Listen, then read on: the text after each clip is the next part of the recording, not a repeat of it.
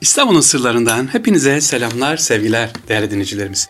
Bugün İstanbul'un sırlarında sizlere İstanbul yalılarından bahsetmek istiyoruz efendim. İnşallah nefesimiz yettiğince. Radyolarını yeni açan ve bizleri dinleyen, bugüne kadar dinleyen, bu yıla kadar dinleyen, inşallah bundan sonra da dinleyecek olan kardeşlerimize teşekkürler ediyoruz.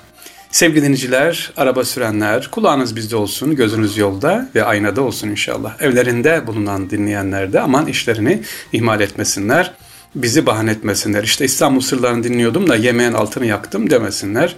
Ya da işte yolda gidiyordum, İstanbul'un sırlarını dinliyordum, ani fren yaptım, Allah korusun. Kulağınız bizde olsun yeter sevgili dinleyiciler. Allah hepinize güzellik, iyilik, hayır versin inşallah. Güzel bir program olsun ve istifade edelim hep beraber. Yalılar dedik. Sevgili dinciler özellikle Avrupa ile böyle bütünleşmeye başladığımız zaman kültür olarak tabii orada ilk gelen bize ne geliyor? Dünyaya yatırım geliyor. Eskiden Osmanlı döneminde zenginler ne yaparlardı? Yatırım yaparlardı. Neye yatırım yaparlardı? Ahirete. Çeşmeler, sebiller, camiler yapılırdı. Vakıf vardı. Sadece sevgili dinciler sadece İstanbul'da 22 bin vakıf vardı. Sadece İstanbul'da. Neden bunlar? Çünkü ahirete yatırım. İşte Yalılar artık dünya yatırımın başladığı o dönemi geliyor. İstanbul'da şu anda 560 tane tahmini olarak en son bildiğim kadarıyla yalı var. Ama hani Yunus Emre'nin bir sözü var ya, mal sahibi, mülk sahibi, hani bunun ilk sahibi, mal da yalan, mülk de yalan, var da biraz sen o yalan. Herhangi bir yalı seçin, sorun bakalım bu yalının şu anki sahibiyle ilk yaptıran sahibi arasında kaç kişi el değiştirmiş? 10 mu? 15? Hayır. Ben saydım efendim. 37 tane el değiştirmiş bir yalımız. 37 kere el değiştirmiş yapıldığı 110 sene içerisinde. İşte bu yalılardan sizlere bahsedeceğiz. Niye bahsediyorum? Aman ne güzel hadi içinde oturalım diye mi? Yok değil. İbret alalım, kültürünü bilelim. Boğazı gezerken böylece e, bakalım ha nereden nereye. Hani diyorduk ya ayeti kerimede ne diyordu? Gezin görün ibret alın. İşte biz de o niyetle yalıları inşallah anlatalım. Esma Sultan'dan başlayalım. Esma Sultan yalısı sevgilinciler Sultan 1. Abdülhamit Han'ın 2. Mahmud'un kardeşi 1. Abdülhamit Han'ın da kızı Esma Sultan.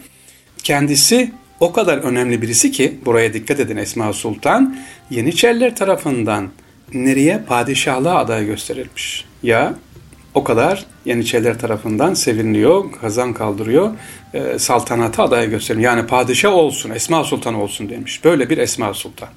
E, Cumhuriyet döneminde bu yalımız yurt dışına sürgüledince Osmanlı ailesi 1952 yılında Saffet Başdamar tarafından satın alınıyor. 12 sene boyunca üst katı marangozhane, alt katı kömür deposu olarak kullanılıyor efendim burası.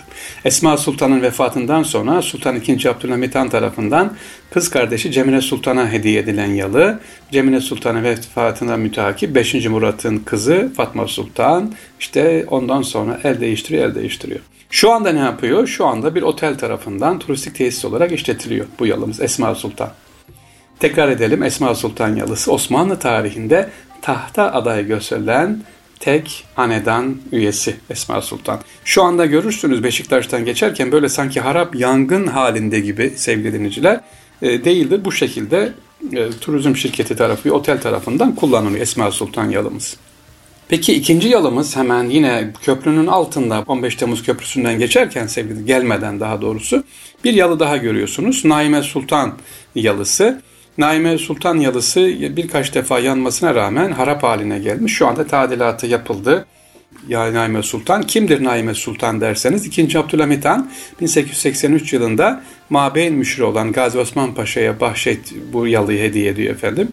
Daha sonra onun oğluyla evlenen kızı Naime Sultan'a da düğün hediyesi olarak veriyor. Yani 2. Abdülhamit Han'ın kızı Naime Sultan.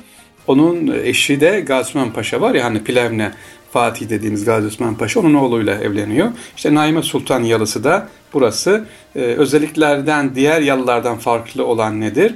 Ee, dünyada bir eşi daha bulunmayan peyzaj süslemeleriyle ünlü burası. Özellikle odalar ve salonlar denizi görebilecek şekilde denize dik şekilde tasarlanmış. Ve çok görkemli bir yalı Naime Sultan yalısı. Geçelim Hatice Sultan. Peki şunu merak ediyor musunuz? Ee, Fahri abi hep Hatice Sultan, Naime Sultan, Esma Sultan diyorsunuz.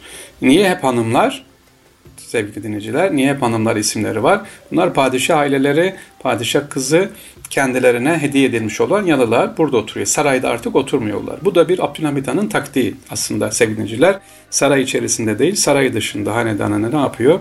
Bir arada tutmaya çalışıyor. Bu yalılarda aileler, Osmanlı aile, hanedan aileler burada yaşıyorlar. Hatice Sultan'ı anlatalım. Hatice Sultan yalısı günümüze kadar sağlam gelmiş güzel yalıyı görebilirsiniz. Burası 2. Abdülhamit tarafından satın alınıyor. 1924'te hanedan yurt dışına e, sürgüne gönderilince yetim yurdu olarak kullanılıyor. Daha sonra bu Ortaköy İlkokulu oldu. Sultan II. Abdülhamit tarafından 5. Murat'ın 31 e, yaşına gelen olan en büyük kızı Hatice Sultan'a düğün hediyesi olarak verilmişti bu yalı sevgiliciler. Kimin yalısıymış demek ki? II. Abdülhamit'in yeğeni yani 5. Murat'ın kızı Hatice Sultan'a aitmiş. Ona hediye edilmiş. E, burası yetimhane ilkokul olarak kullanılıyor. 1972 yılından beri de Yüzme İhtisas Kulübü'ne aitmiş. Yalının özelliği, en önemli özelliği nedir? Ahşap ve Bağdadi e, mimari şeklinde yapılmış. E, sevgili dinleyiciler, evet Hatice Sultan Yalısı 15 Temmuz Köprüsü'nün ayakları çakılırken Hatice Sultan Yalısı'nın temelleri büyük zarar görüyor ve yalı denize doğru kaymaya başlıyor.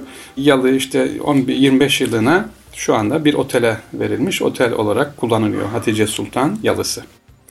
Hadi gelelim yine Beşiktaş'tan gidiyoruz böyle Ortaköy'e doğru gidiyoruz. Ee, Avrupa yakasını gezeceğiz sevgiliciler. Avrupa yakasındaki yalıları inşallah anlatacağım. Muhsinzade Mehmet Paşa yalısı. Neymiş bu Muhsinzade Mehmet Paşa yalısı?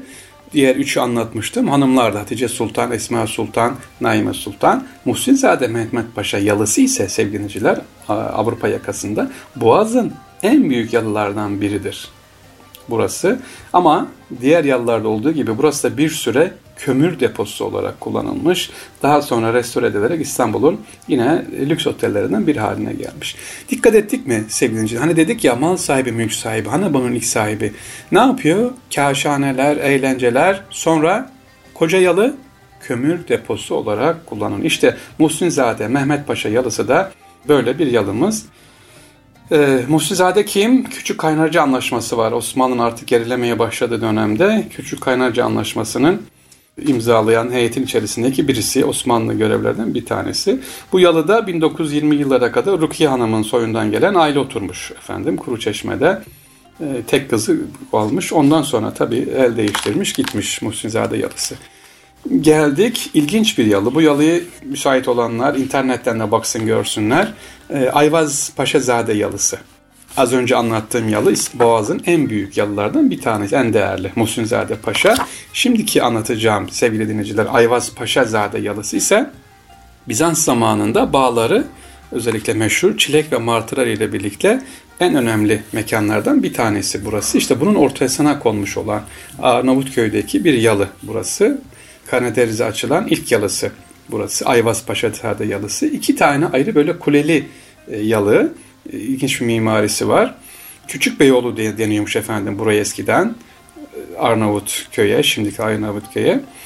Sevgili dinleyiciler, Halet Çamlıbel yalısı şimdi anlatmak istiyorum. Arnavut köy sahillerinde özellikle üç katlı aşı boyalı yalı bu yalının özelliği uzaktan sizi zaten gel beni gör diyor boyasıyla alakalı. Sultan II. Mahmud'un Ermeni asılı baş bahçıvanı tarafından yaptırılmış.